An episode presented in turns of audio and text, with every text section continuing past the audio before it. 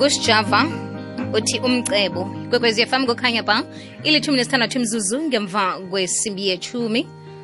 ngimnawe nozuzu 9 to 12 njenganje singena ehlelweni lapha sitshetsha khona um indaba zabantu abakhubazekileko sikhambisana nokenneth sithole secretary general we-disabled people south africa sitshetsha ke iintshijilo abantu abakhubazekileko abaqalana nazo emsebenzini ukhumbuleke bona inyanga le kamrhayili kuyinyanga yabasebenzi sitshetsha zonke izinto ezithinda umuntu eh omsebenzi umuntu osebenzako Mr Sithole babo Sithole siyakulotshisa siyathokoza ukuba nawe namhlanje ayazi kumnandi kangangani khuluma nawe sithokoze eh zuzu silotshise wena silotshise nabalaleli bomhatsho omkhulu siyathokoza namhlanje sike sitshetsha indaba eqakathekileko lapha silwisana ne-covid-19 kuthi kusesenjalo kube khona iintshitshilo esiqalana nazo manje sike abantu abakhubazekileko baqalana naziphi iintshitshilo bona emsebenzini eh ngibawa ukuthi sithome ngale ndlela ukuthi iintshijilo esiqalene nazo sibahlali bomhlaba nabahlali benarha le um zintshijilo ezilethwa yingogwana le yelokuzina ye-covid-19 so umuntu woke okhona omsebenzi naloyo ongasimsebenzi enarheni le uyathinteka ngandlela yinye or ngandlela thize ngesimo lesi esikhona sengogwana le ye-covid-19 manje thina sibabantu abakhubazekileko phezu kokuthinteka lokhu thina sibonakala sibabantu esithinteke khulu ngoba imisebenzi le la ebekade kucatsheke khona abantu abakhubazekileko eminingi yayo mberego ephelileko msebenzi elahlekileko iinkhampani lezi e-, ebengeze ezikulu ebekade zicatshe eh abantu abakhubazekileko ikakhulukazi eze e-,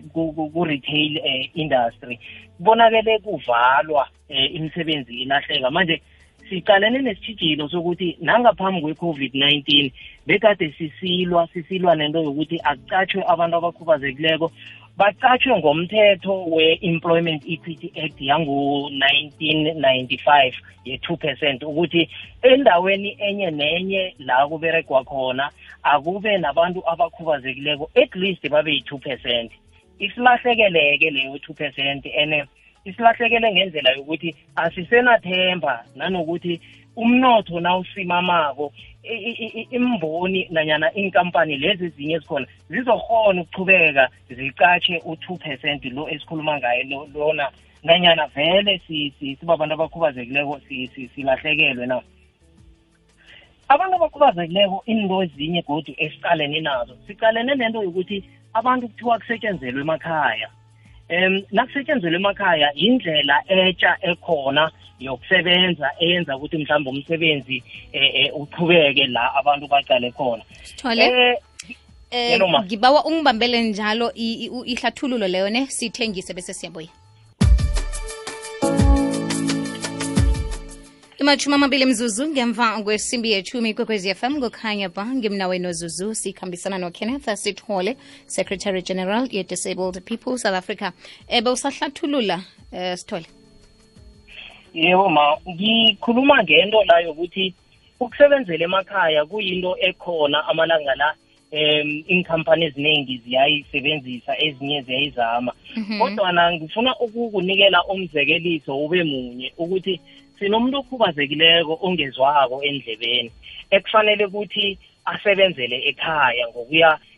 ngesimo esikhona ufuna umuntu oyi-sign eh, eh, language interpreter amhlathululele ngezandla now kuzoba lula kanganjani ukuthi umuntu lo akhona ukusebenzela ekhaya kanti ngapha ufuna abe nomuntu ozomhlathululela ngezandla uyabona ukuthi isibeka eqadi thina into yokuberegela ekhaya ukuthi ngeze ngasebenzela ekhaya ngimuntu ongezwako kuzaba budisi kokhunye ukuthi abantu abangaboniko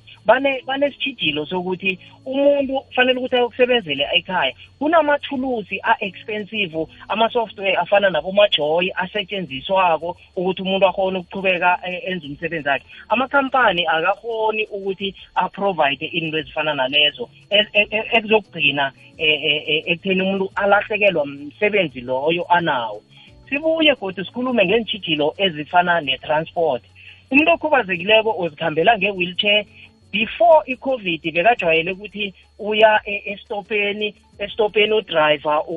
uyamkhweza uyamhelebha ukukhwela umkhwezela ne-wheelchair yakhe njengendaba zaboma-social distancing nangendaba zokuhamba umuntu aphatha izinto kubudisi ukuthi mina ngimuntu okhubazekileko ngisebenzisa i-wheelchair nanoma ngisebenzisa eh, eh, eh, yiphi into ezongisiza mina ukuthi ngifike la ngifika khona kuba budisi ukuthi ngithole ihelebho so lokho kwenza ukuthi nanoma amathuba akhona ukuthi ngingacatsheka ngimuntu okhubazekileko ngeentshijilo lezi enginazo mina ngiyahluleka ukuthi ngingathola umsebenzi ngowugcine umsebenzi ngelanga ngizokufika lada ngelanga ngizokufika nini nini ziintshijilo lezi sibabantu abakhubazekileko esiqalene nazo begodu-ke siqalene neentshijilo zokuthi sibabantu abakhubazekileko njengoba siluza imisebenzi so sine sine sinezinto esizibiza ukuthi zima assistive devices izinto ezisizako ukuthi mhlawumbe sikhophe kule pilo efanele ukuthi siyiphile ama-wheelchair asetshenziswako kusetshenziswa ama-electric wheelchair fanele kube ngiyasebenza nafanele ukuthi ngizazithengela i-electric wheelchair ngihone ukuhamba ngayo ngiye emsebenzini nanyana ngiye la ngingafinyelela mhlawumbe ngingakhanuka ukuthi ngiye khona mara isimo lesi esikhona asisangivumeli godi ukuthi ngingatry abakalahlekelwa misebenzi kuphela abantu abakhubazekileko abantu abakhubazekileko balahlekelwe misebenzi balahlekelwe nangani imindeni ngoba abasakwazi nokuthi bangondla imindeni yabo bangaprovida um eh, e, eh, eh, for imindeni yabo so siyihlangano yabantu abakhubazekileko sibetheke khulu ngalokhu okukhona ngale covid-19 ekubeni kwasekuthomeni ama-issues um wabantu abakhubazekileko bevele asalele ngemuva nje isimo esikhona sikwenza ukuthi sisalele emuva kokugcina em nangilalela ihlathululo yakho sithole usingathini umuntu okhubazekileko uyaqatshwa abekwe lapha kuthiwe uthe ufuna ukusebenza nako-ke umsebenzi ukuthi wenza njani um asingeni thina lapho kodwana umsebenzi wona kufanele wenziwe ngakhani injalo sele uveza iintshijilo zomuntu ongaboniko ekufanele asebenzele ekhaya kufanele kube nomuntu um eh, ozoku-interpreta lapho umuntu ongaboniko into ezifana nalezo iye kodwana lokhu zintshijilo ezitsha ezivela nje mhm. ezithi kamari ngicatshiwe mina kubudisi ukuthi ngingenza umsebenzi wami nangabe nginokukhubazeka okudinga ezinye izinto ngale kwalokhu qala musuzuzu nangathana ngiyaberega ngiza e-ofisini ngiberegele ofisini bengizase sengiberege ngale ndlela ebekade ngiberega ngakhona ngaphambi kokubana kufike i-covid-19 njengoba sekune-covid-19 bathi kimi ngikhubazekile ngingaboni ngikhubazekile ngingezwa endlebeni bathi khamba ukusebenzela ekhaya ngingabi namathulusi azongenza ukuthi ngikghona ukwenza lo msebenzi ngihlezi ekhaya uyakubona ukuthi la hmm. kunesitshijilo khona ukuthi angisahoni mina ukuqhubeka ngenze umsebenzi lo ngihlezi ekhaya enye into elandela lokho ukuthi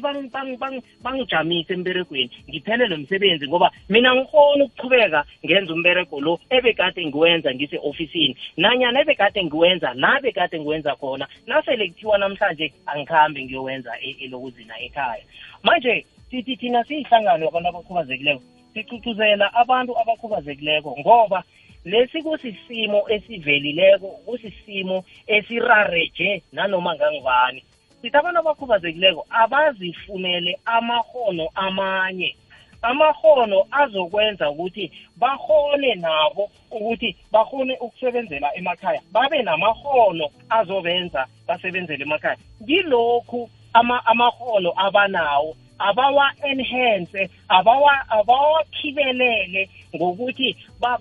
bathathe amakhosi especially amakhosi la wabotechnology azokwenza ukuthi umuntu enze umsebenzi wakhe asekhaya bese ihlangano i-DPSA yona um kungangani ekwenzako ukumsiza umuntu ozako athi mina nandi ikhono lami ngifuna ukukhibelela ngendlela ohlathulula ngayo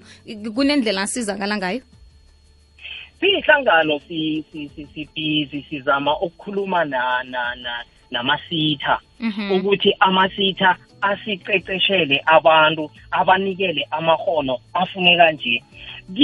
kulama program already ama amasitha awa anawo isibawo sethu esiwe esisenzekiko ukuthi abathathe inamba engathi kudlwana eh ebantwini abakhubazekileko eh kwenzelele ukuthi babhenefite ba nanyana bazuze ngokuningi entweni lezi zokunikela amakhono amatsha ngilapho la sikhona ngoba thina asinawo amandla wokunganikelana ngamakhono kunekhonakalo engangani yokuthi basebenze njengenchema abantu ngoba ngizwisisa ukuthi lapho khunye kuba budisi ukuthi ihlangano iqalelele umuntu ngamunye um kuyakhonakala ukuthi kube nenhlangano mhlambe beze namkha beze bazinqhema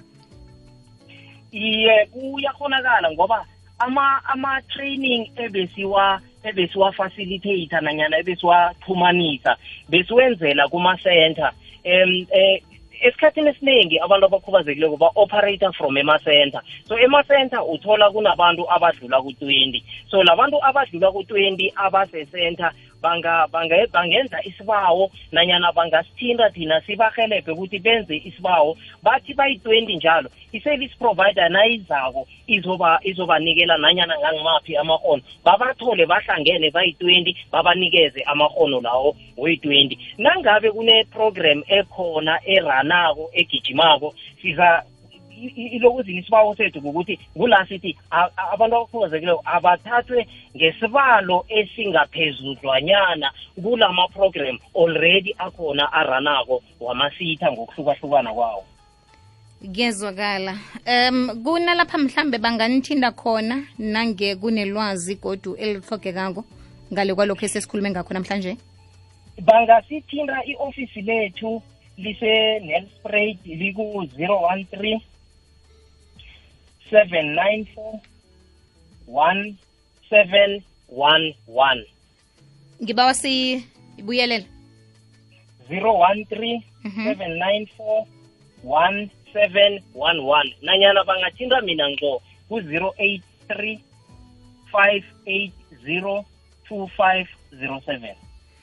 kuyezwakala sithokoze khulu ukukhulumisana nawe sithola ngitsho sithokoze isikhathi sakho nelwazi osabele lona